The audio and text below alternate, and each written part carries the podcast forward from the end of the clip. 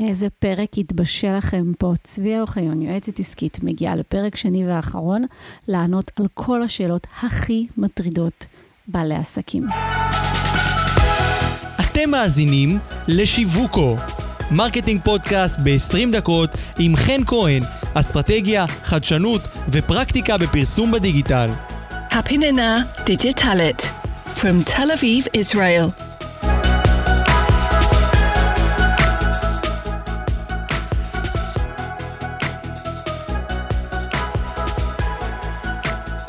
השאלה המרכזית שככה מעסיקה באמת הרבה בעלי עסקים, זה איך הופכים את הלידים ללקוחות. דיברנו על איך מגיעים ללידים ועל הנראות של העמודים ועל כל השפה, הערך והשפה הגרפית.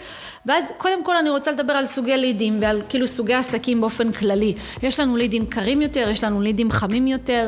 אמ, מה, מהחוויה שלי בהרצה של קמפיינים, לידים קרים מגיעים בדרך כלל מהמסנג'ר או מהליד ג'נריישן, שזה מחולל הלידים, משאירים שם טלפון או שם ומייל ואז יוצרים איתם קשר ובדרך כלל זה לברר, הם עושים כזה כמה בירורים.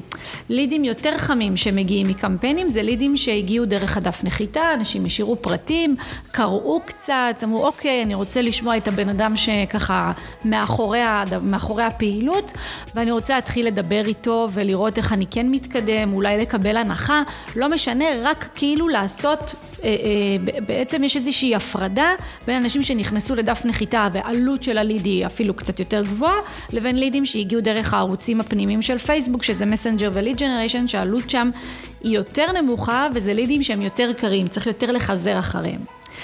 ובעצם אפשר לעשות עוד הבחנה, אפשר לעשות הבחנה בין כמה השירות הוא מיידי, כמה מעורבות הקנייה היא גבוהה או נמוכה.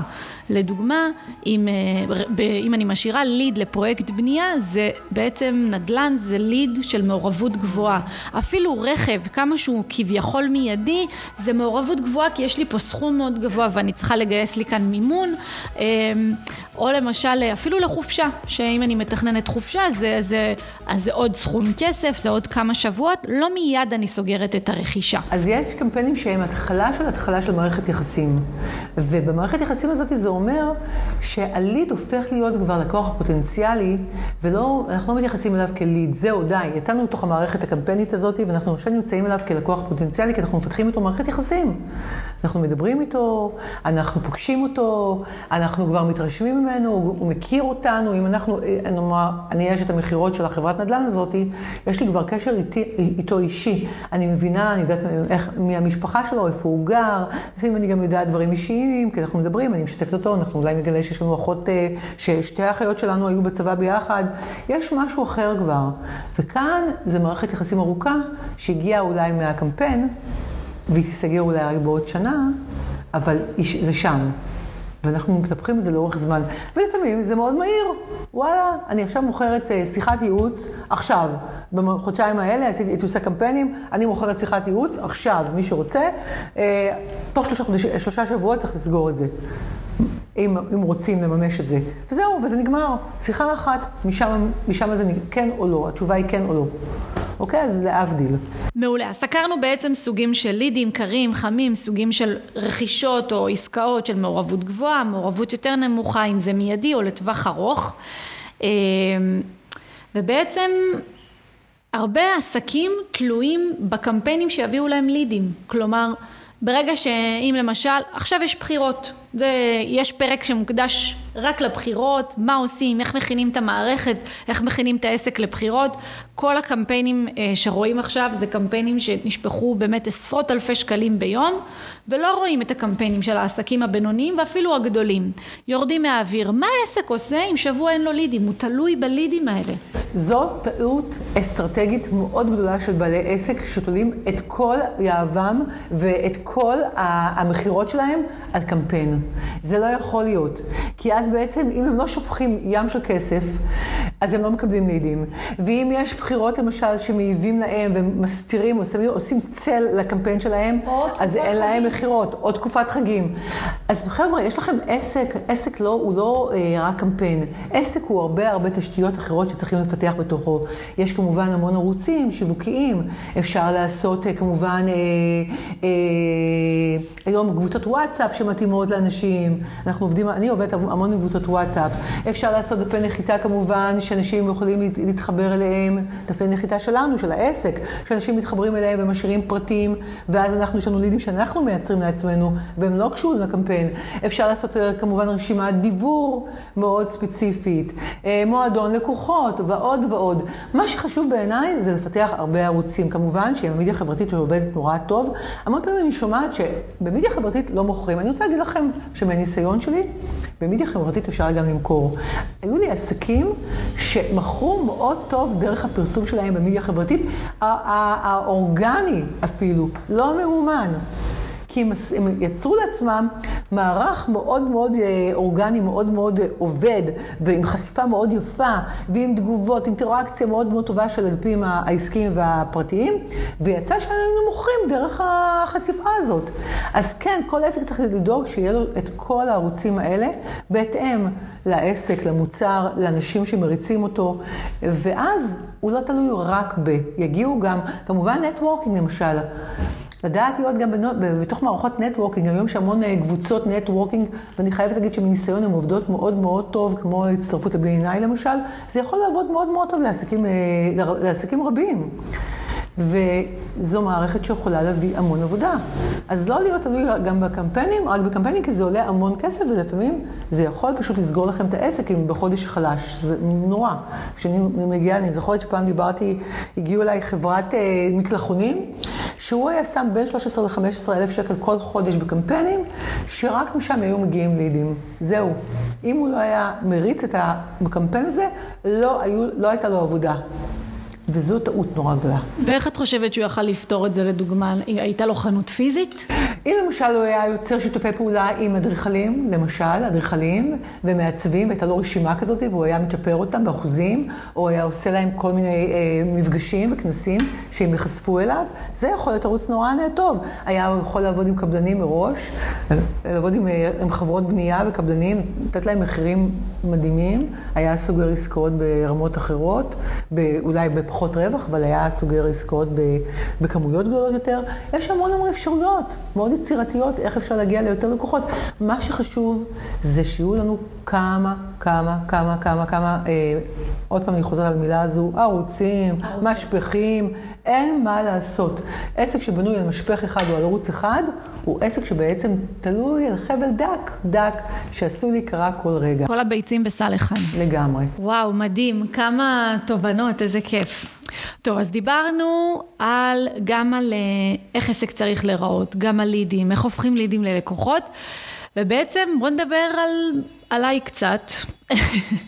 בואו נדבר על החלק של הקמפיין. מה בעצם אנחנו צריכים כשאנחנו יוצאים לקמפיין? אז אני רוצה לתת בעצם את הזווית שלי, כשאני מקימה קמפיין עם הלקוח שלי, אנחנו בעצם עוברים על הדבר הראשון, שזה המטרות.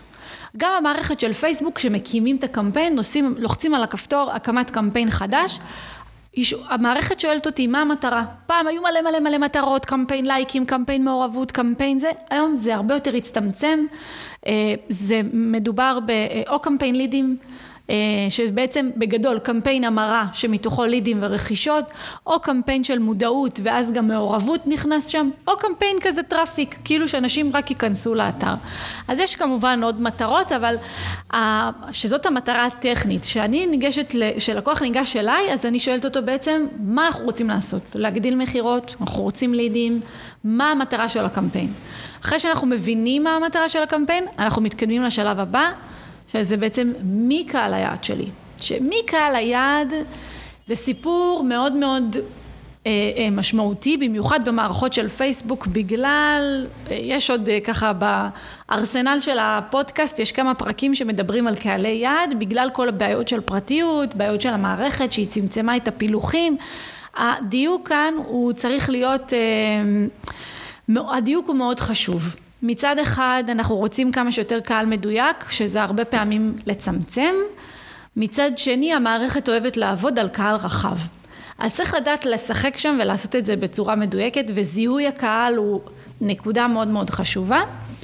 אה, ואחרי שפילחנו את הקהל ויצרנו אה, גם קהל קר, קהל שהוא קצת יותר חם וקהל שהוא ככה דומה לקהלים, של, לקהלים שלי, אני מדברת על השלב הבא זה המודעה, בעצם על הערך, על, ה, על הפנייה שלי, איך אני פונה, על ה visual שאני משתמשת בו, על הקריאייטיב, התמונה, הווידאו, ועל הצעת ערך ברורה. מה יוצא לך מזה? מה יוצא לך מזה שאתה מקליק על מודעה, שאת מקליקה על מודעה, לאן את מגיעה?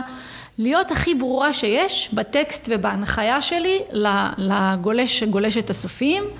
בעצם, למה אני פונה אליהם ומה אני רוצה שהם יעשו. להיות הכי ברורה במסר ובהנאה לפעולה. ואז אני מובילה אותם או לדף נחיתה, או לערוצים אחרים, ואז כבר, אה, או לאתר עצמו לרכישה, כן. ואז זה כבר כאילו השלב, השלב הבא.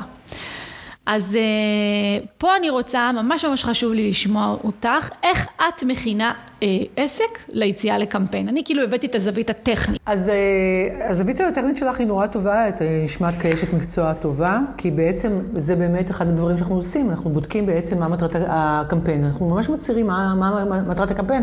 אני אפילו עושה יעד, אוהבת לעשות עם העסקים שלי יעד, כדי שיהיה לנו יעד ממש שאנחנו רוצים להגיע אליו, ותמיד תמיד כשעושים יעדים, דרך אגב, בעלי עסק יקרים, כשאנחנו מעמידים לעצמנו יעדים, אנחנו תמיד נגשים הרבה יותר ממה ש... ממה, ממצב כשאנחנו לא מעמידים לעצמנו יעדים. אז כדאי תמיד לעשות תוכנית ויעדים. זה דבר מאוד מאוד טוב שמעורר בנו יותר מוטיבציה. אז גם באמת, בהחלט, הנקודה של הבידול והגדרת הקהל יעד היא מאוד מאוד חשובה. אה, כמובן שאני רוצה להגיד משהו לגבי המשפט המאוד ידוע, שכולנו כבר אה, אומרים אותו בשגרה, שבמכירות נורא חשוב שהלקוח יבין מה יצא לו מזה. ועדיין, ולמרות הכל, אני רואה קמפיינים שהלקוח, בעל העסק מדבר על עצמו ועל העסק יותר משהוא הוא פונה ללקוח. ואני אומרת, ברבק, מה אתה מבזבז זמן יקר? הקשבה. מי, זה, את מי זה מעניין? את מי זה מעניין מה ההשכלה שלך או שלך, וכמה שנים העסק הזה קיים כל כך הרבה שנים, ועם מי כל כך עבדתם, זה לא מעניין. בשניות היחיד, המעטות שיש ללקוח שהוא מסוגל להקשיב ולהכיל, תנו לו את הדבר שהוא אמור לרצות ורוצה וכמה לקבל. לא את כל הרזומה שלנו ואת הניסיון ואת המקצועיות שלנו, את התארים. טעות, טעות, טעות, טעות. כמה שפחות עלינו, אם לא צמצום בצי שבצמצומים, וכמה שיותר מה יצא לו מזה, עליו, עליו, עליו, קח, קבל, ותמיד תמיד להשתמש במילים של, במילות פועל ש... תקבל, תבנה, תרכש, תעשה. כאילו מה, שמות פועל של דברים שבעצם יוצאים לו מזה, אוקיי? והפנייה היא תמיד מהזווית שלו. אין זווית, הזווית שלי לא קיימת. היא לא מעניינת גם כן. אם הוא רוצה ללמוד מי אני ומה המיומנות שלי, שייכנס למדיה החברתית שלי, שייכנס לאתר. למה שאני אבזבז את השניות האלה עליי? ואנשים חושבים, אנשים מבלבלים בין מקצועיות, בין להראות המקצועיות, לבין להבין איך מתנהל עסק. בעצם במודעה לגרסתך שאני מאוד מסכימה איתה, אני לא צריכה להגיד כמה אני טובה, אני צריכה להגיד מה יוצא לך מזה. בהחלט. רוצה לדעת כמה אני טובה? מעניין אותך? תיכנס לערוצים שלי. כן, את יכולה, אנחנו יכולים להגיד כמה אני טובה בזה, שאני אתן לו עוד דוגמה אולי ללקוח מאוד מרוצה, אני אתן לו אולי אם זה דף נחיתה, אני אתן לו מלא מלא אה, עדויות של אה, לקוחות, אני יכולה לתת לו אה, תוצאות. אה, הצלחות שהיו לי מוכחות. אין בעיה, אני יכולה לתת את זה, אבל זה לא יהיה, זה לא יהיה גוף הפנייה, אוקיי? גוף הפנייה היא לדעת באמת באמת מה הוא רוצה לקבל. עכשיו, אני רוצה... עכשיו אני רוצה לפתוח עוד משהו. סעיף חדש במה הוא רוצה לקבל. המון פעמים אנחנו אומרים את מה שהוא רוצה לקבל. אנחנו הבנו, מבינים מה הצורך שלו ומה הכאב שלו ומה הפתרון שלנו, ואז אנחנו משתמשים בביטויים לא טובים. ומה זה אומר ביטויים לא טובים? זה יכול להיות לפעמים מיל, מיל, מילות, מילים מקצועיות מאוד מאוד אה, קשות ולא מובנות. לא מובנות שלנו, אנחנו חיים את התחום שלנו, בטוחים שכולם מבינים אותם. לא, הוא לא מבין אותם. מה אני עכשיו צריכה לפתוח את המילון בשביל להבין למה את מתכוונת, או מה אתה מתכוון? לא. אז לא להשתמש בביטויים, להשתמש בשפה שהלקוח הפוטנציאלי שלנו משתמש, במילים שלו, כדי שהוא יבין, אנחנו מדברים איתו, אנחנו מנהלים איתו עכשיו תקשורת, דו-שיח, כן? כביכול. אז בואו נדבר מילים שלו. לא לדבר אף פעם בדימויים שמשתמעים לשני פנים. אני רואה המון פעמים דימויים ומטאפורות. דימויים ומטאפורות אינם במקום כשאנחנו עושים קמפיין, כי אני יכולה לפרש את זה בצורה אחרת ממה שהתכוונת, אוקיי? זה מעורר בי אסוציאציה אחרת, זה לוקח אותי למקומות אחרים בתור מקשיבה, לא להשתמש גם בדימויים ומטאפורות, אלא להיות, לדבר בשפה ממוקדת ונקייה ובהירה, שבעצם גם מדברת אליו הכי בקרבה, כי היא מאמצת את המילים שהוא משתמש. ואיך אנחנו יודעים מה המילים שהוא משתמש בהם הרבה?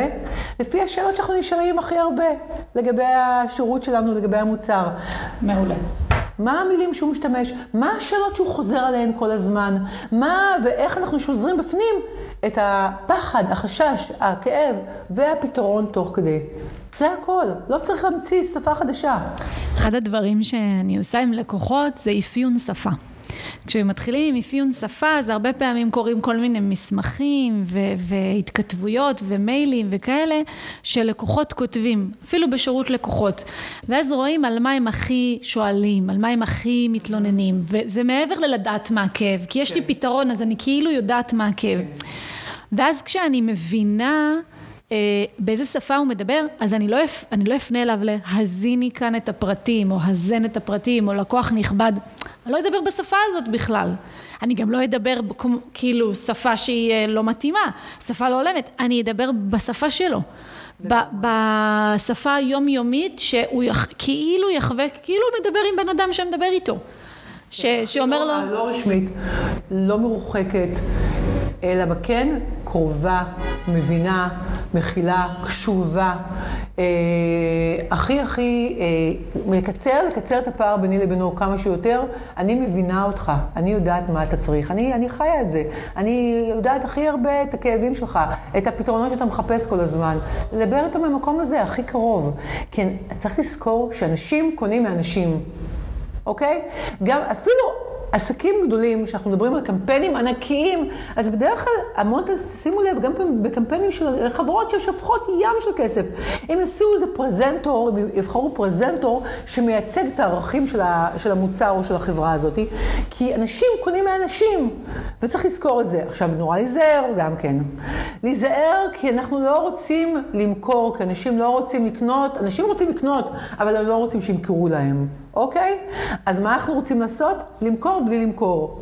לזכור, למכור בלי למכור. זאת אומרת, ברגע שאנחנו נותנים להם את כל הדברים, ואנחנו נותנים להם את הפתרון האידיאלי, אנחנו מדברים עליו בשפה שלו, אנחנו מדברים עליו מתוך אה, נקודת, נקודה מאוד מכילה, אמפתית, או מאוד מבינה את מה, מה מפריע לו במילים שלו, אנחנו בעצם גם מבינים, אה, אנחנו מוכרים ממקום מאוד מאוד טוב. אנחנו מוכרים בלי למכור. ואנחנו צריכים להבין שבסופו של דבר, אנחנו, אנשים קונים, גם אנחנו קונים מהמקום הרגשי. אז התחרות קיימת, ויש המון אפשרויות, יכולים לקנות מאיתנו, יכולים לקנות ממישהו אחר, למה שיקנה דווקא מאיתנו? אז בואו נעבוד כאן על הרגש, כי אנחנו צריכים להפעיל איזו נקודה רגשית כאן, שעובדת עבורו, וגורמת לו להנאה לפעולה, או להשאיר פרטים, או קליק, לרכוש, אוקיי? וזו חוכמה מאוד גדולה. לא להתאמץ, גם לפעמים אנשים נורא מנסים לשכנע.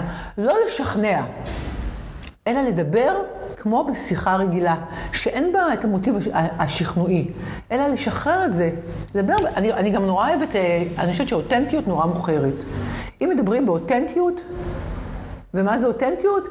בדרך כלל, אם אתה חי את המוצר שלך ואנחנו מבינים את השירות שלנו ואנחנו, ואנחנו נלהבים ואנחנו מלאי תשוקה ויש לנו להט בדברים ואנחנו מנוסים ואנחנו יודעים לדבר בדיוק על, על, על הנקודה הכואבת שלו, יש שם המון אותנטיות, בלי לשכנע. אני אפילו, זה כאילו, את כאילו אומרת דברים שהם מובנים מאלה, אנשים קונים מאנשים, ברור, אבל זה לא ברור. לא. כי יש משהו במסר של מודעה, שכבר, איך אמרת, דיברת קודם על נדל"ן. הפייסבוק זה הנדל"ן, והכל מלא בפרסומות, והכל כאילו, המלחמה שלנו כקמפיינרים זה להשיג את העלות הנמוכה ביותר על השטח נדל"ן הזה. וכאילו אנחנו מהמקום, מגיעים כאילו מהמקום הטכני, אבל כשאנחנו כותבים הודעה, שאנחנו עובדים על מודעה שאמורה בעצם למכור את המוצר, אנחנו צריכים למכור בלי למכור. צריכים שבצד השני ירצו לקנות בלי שכאילו דחפו להם, בלי שמכרו להם, אלא כי זה פשוט מה שמדויק להם באותו רגע. בדיוק. ואנשים לפעמים נכנסים למכירות, המון קושי. אנשים אומרים לי, אני שונאת מכירות, אני שונא מכירות, אוי, מכירות זה קשה. ואני אומרת, אתה מאמין במוצר שלך? בואו, תחשבו, אני שואלת אתכם שאלה. קהל נכבד, בעלי עסק נכבדים. אתם מאמינים במוצר שלכם? אתם יודעים איזה תועלות הוא מביא? אתם מבינים למה שווה לאנשים שיהיה להם את המוצר שלכם, את השירות שלכם? אם אתם מבינים את זה, אין מאמץ במכירות. לא צריך למכור. לא צריך למכור, אין מאמץ. זה הכל, לא צריך למכור. אז למה להגיד, אני שונאת מכירות, שמכירות הן מחויבות בעסק? קודם כל, בואו נתחיל בשפה. למה להגיד שונאת מכירות? שונאת מכירות, אנחנו כבר שמים איזשהו טריז בינינו לבין המכירות. עסק שלא מוכר, עסק שאין לו הכנסות, אין לו זכות קיום. אז בואו נאהב מכירות. אנחנו פשוט נתייחס למכירות בצורה הרבה יותר נעימה. אני תמיד אומרת, בואו נשים איקס על המילה מכירות, נגיד אנשים. אינטראקציה עם אנשים. כשאת יושבת עם אנשים, ואת רוצה להניח בקופת חולים, בתור לקופת חולים, לדבר על מישהי, מישהי שבדיוק את שומעת שהיא צריכה משהו, ואת רוצה להסביר לה על העסק שלך, בלי למכור, לספר, לדבר. זה הכל. ואם את באמת יודעת, אנחנו מבינים את התועלות שלנו, איזה קל לנו. אני כל כך מבינה מהתועלות שלי, שאני יושבת עם מישהו, אני באה בתודעה שלי, יודעת ששווה לו לקחת אותי, ואני לא הוצאה, אני הכנסה. אני מביאה לו כסף, אז הוא לא יכול בכלל לבלבל אותי. וככה תתייחסו לזה. אף אחד לא יכול לבלבל אתכם. אתם יודעים שאתם נותנים איזה ערך גבוה, תועלת נהדרת. אתם לא מביאים רק את המוצר, אתם לא רק, נניח, מוכרים שטיח. אתם לא רק נוגעים בנקודה הכואבת בגב שלו, אתם נותנים איכות חיים, אנחנו נותנים איכות חיים, אנחנו נותנים ביטחון עצמי, שקט נפשי, אנחנו נותנים המון ערכים מאוד עמוקים בכל דבר שאנחנו עושים בעצם. ואנשים קונים את זה, ולא רק את הדבר עליו אנחנו מדברים. ואם אנחנו ניתן להם הרגשה שזה מה שהם גם מקבלים באמת, הם יקנו את זה יותר בכיף. זה מדהים, אני ממש, כאילו סיכמת את זה נכון, כי גם כשאמרת על ערכים, זה אחד התהליכים שאני עוברת עם לקוחות. ש, שזה תהליך, אה, ש, מה הערכים שלי? עכשיו, כולם יגידו לך, אני מקצועי, אני, אה, אני שקוף, אני חדשני. עכשיו, זה ערכים, סבבה, טוב, אבל כאילו, הערכים האלה לא נוגעים באנשים. כשאתה, כשאתה מביא כאילו ערך, שאתה, הליווי הצמוד הזה, ההקשבה, ההכלה, זה ערך. נכון, אז אני תמיד מחפשת בכל עסק, כל עסק, אין מוצר, אין מוצר בעולם או שירות שאין לו תועלות עמוקות. ותועלות עמוקות זה מעבר לשימוש החיצוני במוצר או בשירות. תמיד התועלות עמוקות נוגעות למשהו רגשי, נפשי, שעושה ללקוח. שנותן לו ביטחון, נותן לו שקט נפשי, נותן לו תחושה מוגן, של הגנה. כולנו בעצם מביאים את הדבר הזה. כולנו. וברגע שאנחנו מבינים את זה, אנחנו לא צריכים להתאמץ יותר מדי במכירות, כי אנחנו באים מתוך מקום שאנחנו כל כך מבינים ששווה לבן אדם ממולנו, או שמדבר איתנו, לק... לקחת את המוצר, כל כך שווה לו, שלא צריך לזוות קשה. זה בא בקלות. האמונה הזו צריכה להיות באוויר כל הזמן, ההבנה הזו צריכה להיות באוויר. כי הדיבור הוא אחר, כשמישהו מבין את התועלות העמוקות של העסק שלו, של המוצרים, שירותים שלו, זה באוויר. לא צריך יותר מדי. מדי. כבר, אנשים כבר מבינים את זה. אה, אני, אני חייבת להגיד, אני מסכימה עם כל מילה, אני חייבת להגיד. אה, כשהאמת אמת, אז אה, יש תמיד הסכמה גורפת, אז, וזה אמת, כולם מבינים שזו האמת. כולם יודעים את זה. נכון, זה לחיות כאילו את ה... לקום בבוקר ולחיות את התשוקה. בעצם, את התשוקה שלי, של למה אני קמה בבוקר לעסק. לפעמים אין את התשוקה, אני חייבת להגיד בהערה שלפעמים אין תשוקה, אה, ולפעמים היא נשחקת, אבל, אה, אבל אני, יש שני דברים לתשוקה. אני חושבת שמה שמעורר תשוקה, אני תמיד שואלת את הלקוחות שלי, ואם היה לך עכשיו מכירות, היית מרגישה יותר תשוקה? הייתם מרגישים יותר? אמרו לי תמיד כן. אז בואו בוא נעבוד על מכירות כדי שיהיה לנו יותר תשוקה, ולפעמים גם נבין באמת, באמת, למה אני עושה את זה? מה, מה הסיבה שאנחנו עובדים בזה? מה זה באמת נותן? וזה מעבר לכסף שאנחנו מקבלים כמובן. אז אני רוצה, אנחנו נסיים את הפרק בכמה תובנות שלך על עבודה שלך עם קמפיינרים. אז אה, לכי על זה, כאילו אני, אה, אני שלך. אוקיי, okay. אני רוצה לתת ייעוץ, בעצם אני רוצה לייעץ כאן גם לאנשים בעלי עסק שבוחרים קמפיינרים, וגם לקמפיינרים, לאנשים כמוך שעושים קמפיינים. אני חושבת שיש כאן איזו בעיה בתקשורת המון פעמים בין בעלי העסק לבין אנשים שעושים קמפיינים. אה, ואני, את יודעת מה, אני לא אדבר על זה מתוך בעיה, אני אדבר על מה כן צריך שיהיה, בכן ולא בלא.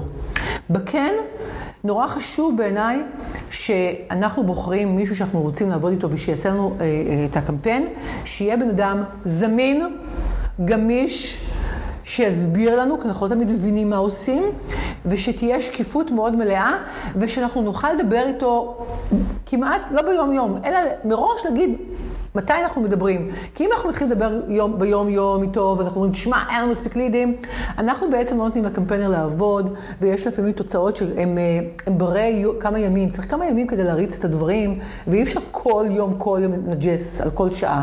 אז צריך להגדיר את זה מראש בעבודה עם הקמפיינר. גם הקמפיינר צריך לדעת להגדיר, להסביר. אני חושבת שהשיתוף, המון קמפיינרים לא משתפים, המון קמפיינרים לא זמינים, המון קמפיינרים לא נגישים, הם לא, הם לא מדברים בשקיפות, וזה משהו שחסר לי מאוד מאוד אצל אנשים שעובדים אה, עם אה, בעלי עסק משונים. אז אני בוחרת אותם זה אחד המדדים שאני בוחרת אותם, חוץ מזה שהם כמובן אנשי מקצוע טובים. כי מבחינתי זה must. אני רוצה תענה לי במיידי כמה שאתה יכול, כמובן, אבל לא אחרי יום, יומיים, שלושה. ותענו לי בבקשה, תסבירו לי מה שאני לא הבנתי. תגידו לי את המהלכים שאתם עושים. תגידו לי אה, למה ככה ולא אחרת. או מה עשיתם שינויים במודעה. אני המון פעמים גם רואה, למשל, למשל קמפיינרים שלא יודעים לנסח מודעות טובות. היי, לא לעשות אה, מודעות לבד. תעבירו, תעבירו את המודעה לבעל העסק, שיחליט אם המודעה מתאימה לו, אם זה נכון. או אולי יש לו איש מקצוע שעובד על, על, על, על נוסח מאוד יותר, יותר מקצועי, אולי הוא מבין ורואה את הטעות שנוסחה כאן. אז גם, נוסחים לא לעשות לבד, להעביר אותם. בקיצור, צריך להיות איזו עבודה משותפת ומאוד מאוד אה, שקופה ומאוד מאוד יומיומית, שהיא בהחלט בהחלט אה, תהיה אה, דיאלוג ולא איזה... הבנתי, אני יצאתי לקמפיין, נתראה בעוד כמה ימים או כמה שבועות, וזה מה שיש. אני מאוד מתחברת למה שאת אומרת. בוא נגיד שהרבה דברים משיטת העבודה שלי באופן אישי, למדתי תוך כדי עם הלקוחות, כי הבנתי מה הם מבקשים. ואני חושבת שכקמפיינרית, אחד הדברים שקשה לנו איתם, זה לדבר על חוסר הצלחה. סתם לדוגמה, היום ראיתי איזושהי סטורי של מישהי שיש לה כל מיני סדנאות של אה, תקשורת מקרבת, שהיא אמרה, היי, נרשם רק אחד לסדנה בבוקר, אז אני נאלצת לסגור אותה. ו... ואמרתי, בואנה, איזה אומץ. איזה אומץ לדבר על זה שלא הצלחת משהו. והרבה פעמים אני, אה, כי כאילו זה איזושהי תחושת בושה, מה אני לא מקצועית מספיק, מה אני לא זה, וזה גם ללמוד לעשות איזושהי הפרדה, אני מקצועית והתוצאות יצאו לא טובות, זה לא קשור. ואני חושבת שאחד הדברים שעוזרים להתמודד עם זה, זה קודם כל שיחת סטטוס שבועית, שעושים עם הלקוח. בוא נעבור, אם הקמפיין עובד, הכל בסדר, יש לידים, איכותיים, הכל טוב, אולי לא צריך אותה בכלל, כי הכל עובד. אבל לפעמים כן צריך, כי יש תובנות תוך כדי שמבינים, כי כשאני עובדת על קמפיין, אני עובדת עליו כל היום, אני כל הזמן מסתכלת מה קורה. לא עושה כל הזמן שינויים, אבל מסתכלת, ואז אני מבינה. יש לי כל מיני תובנות ואני מתחילה להבין ו- ולרשום לעצמי מתי זה עובד יותר, מתי זה עובד פחות. ברגע שאני אומרת ללקוחה כל בוקר, היי, בוקר טוב, הגיעו, אה, אה, לא יודעת, עשרה לידים אתמול. אה, ואני אומרת לה, והעלות של ליד הייתה 40 שקלים. עכשיו, את יכולה להגיד, זה יקר, זה, זה זול, מה, מה, זה, מה זה 40 שקלים? עכשיו, זה מאוד תלוי תחום. אה, אם זה בנדל"ן אז זה ממש זול, ואם זה ב... אה, לא יודעת, אה, רכישה של איזה מדריך חינמי, לא לא רכישה, מדריך חינמי זה נורא יקר, אז זה מאוד תלוי, וברגע שאני נותנת ללקוחה שלי כמה לידים הגיעו ומה העלות, ואז אני אומרת לה, לדעתי העלות גבוהה. אוקיי, זה מעולה, אני אומרת את דעתי, העלות גבוהה, ואז אני גם אומרת מה אפשר לעשות. בוא ננסח מודעה שהיא יותר מדויקת, יותר קצרה, או אה, וידאו שהוא יותר מדבר על התועלות, או כאילו כל מה שדיברנו קודם על הערך, אולי הערך לא מספיק ברור, אולי אנשים לא מבינים מה... כי זה לא קשור אליי כמקצוענות. זה קשור בעצם למכלול של דברים שאנחנו יכולים לדייק אותם. אוקיי, okay, אז את מדברת גם כן על דרך העבודה שלך עם אה, בעלי עסק, שזה נורא יפה ומרשים אותי שאת עושה את זה, כי הרבה לא עושים את זה, אחד. ואת מדברת גם בעצם שיש לעשות הפרדה בין המקצוענות שלך לבין מה שלפעמים קורה בקמפיין שצריך לדייק אותו. וצריך לדעת את זה, אוקיי. Okay. נהדר, שתי נקודות. סתם לדוגמה, קמפיין יוטיוב בגוגל. כשעושים שינוי בקמפיין יוטיוב, יש שבועיים למידה של מערכת.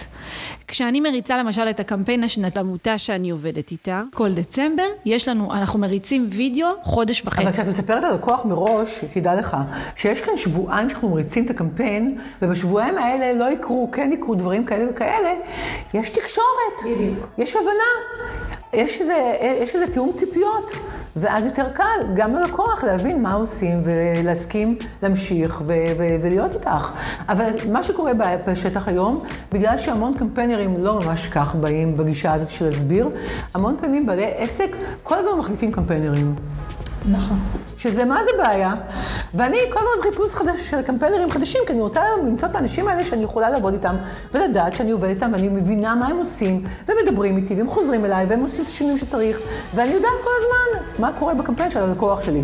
אבל אם אין לי תקשורת איתו, והוא חושב שהוא יודע הכל, והוא עושה את הכל בדרך שלו, והוא לא צריך לספר לי, ולא צריך לשתף אותי, והוא מעל זה, אז יש כאן טעות. כמו שאני לא יודעת הכל, וגם אני צריכה לשתף את הלקוח שלי כיועץ עסקית, מה, אני, מה, מה מערכת השיקולים שלי, איך אני רואה דברים, אני צריכה גם לנמק. גם קמפיינר צריך לנמק.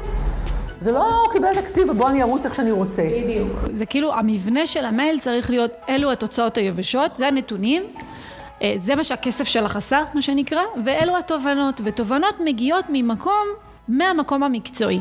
של תוצאות גבוהות, לא גבוהות, זה טוב, זה לא טוב, מה אפשר לעשות. המקום המקצועי מגיע מהמקום של, של התובנות. והתחלתי עם הדוגמה של יוטיוב, כי קמפיין וידאו לוקח לו המון זמן להתניע וללמוד על הקהל, ושהקמפיין עצמו מוציא תובנות, לוקח לו זמן. לעומת אה, קמפיין חיפוש בגוגל, שתוך כמה שעות כבר את יכולה לראות תוצאות. כי אם צריכים את השירות שלך, אז צריכים אותו, רק צריך לדייק את המילות מפתח. אז בעצם זה, זה גם תלוי המסרים והמדיום, באיזה מדיום אני משתמשת, אם זה מודעת טקסט שיותר קלה לעיכול. מתוך נקודת הנחה שאני סומכת עלייך, אני בתור בעלת עסק או בתור יועצת עסקית, סומכת עלייך, בחרנו בך. עכשיו יש לך חובת הוכחה של סוג של תקשורת ותיאום ציפיות איתי. זה הכל, זה מה שנדרש כאן. אנחנו לא מתערבים, אנחנו לא באמת רוצים להתערב, אנחנו רוצים אבל לדעת לדעת, להבין מה נעשה ולמה נעשה ולמה התוצאות כאלה ולא אחרות, ולא להיות מעל זה. כי אנחנו נותנים כאן שירות, אתם הקמפיינרים נותנים שירות, ואם אתם רוצים שלקוחות יחזרו אליכם וימליצו לכם, תנו שירות טוב ומקיף, ותנו שירות שיש בו דיאלוג. זה הכל. שירות שיש בו דיאלוג, זה, זה נראה לי משהו אה, רווח לכל העסקים. לגמרי. אבל במיוחד לקמפיינרים, כי יש המון מונחים טכניים והמון עניינים שבצד השני לא תמיד... בסדר, קצת, אני לא, לא רוצה להבין כל הדברים טכניים. חיים, היה לי ממש לעונג. ממש אה, כיף היה לשבת ולדבר על דברים מהזוויות השונות שלנו. והכל בשבילכם, בעלי עסק. אני מקווה שנכון, שהם יקשיבו ויעשו עם זה משהו. היה לי כיף ממש, צביה, למדתי המון, אה, ואני, אה, זה גם חידד לי כל מיני דברים.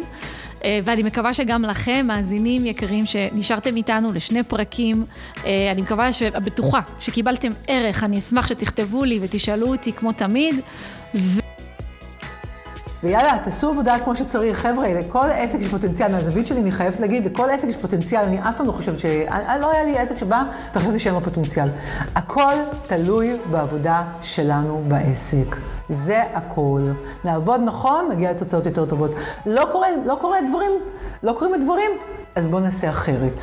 זה מה שצריך לעשות בעסק. שינוי, עסקים לא זזים, לא מתקדמים. חייב תמיד להיות בשינוי הזה, ולהיות בהכרה לשינוי הזה. ולהבין למה אנחנו תקועים, ולעשות דברים אחרים כדי uh, לצאת מהתקיעות. וואו. תודה רבה לכם שהאזנתם. אה, אשמח לקבל מכם כל שאלה, תגובה בערוצים הרגילים, בוואטסאפ, אה, בפודקאסט עצמו ובאתר. יום טוב.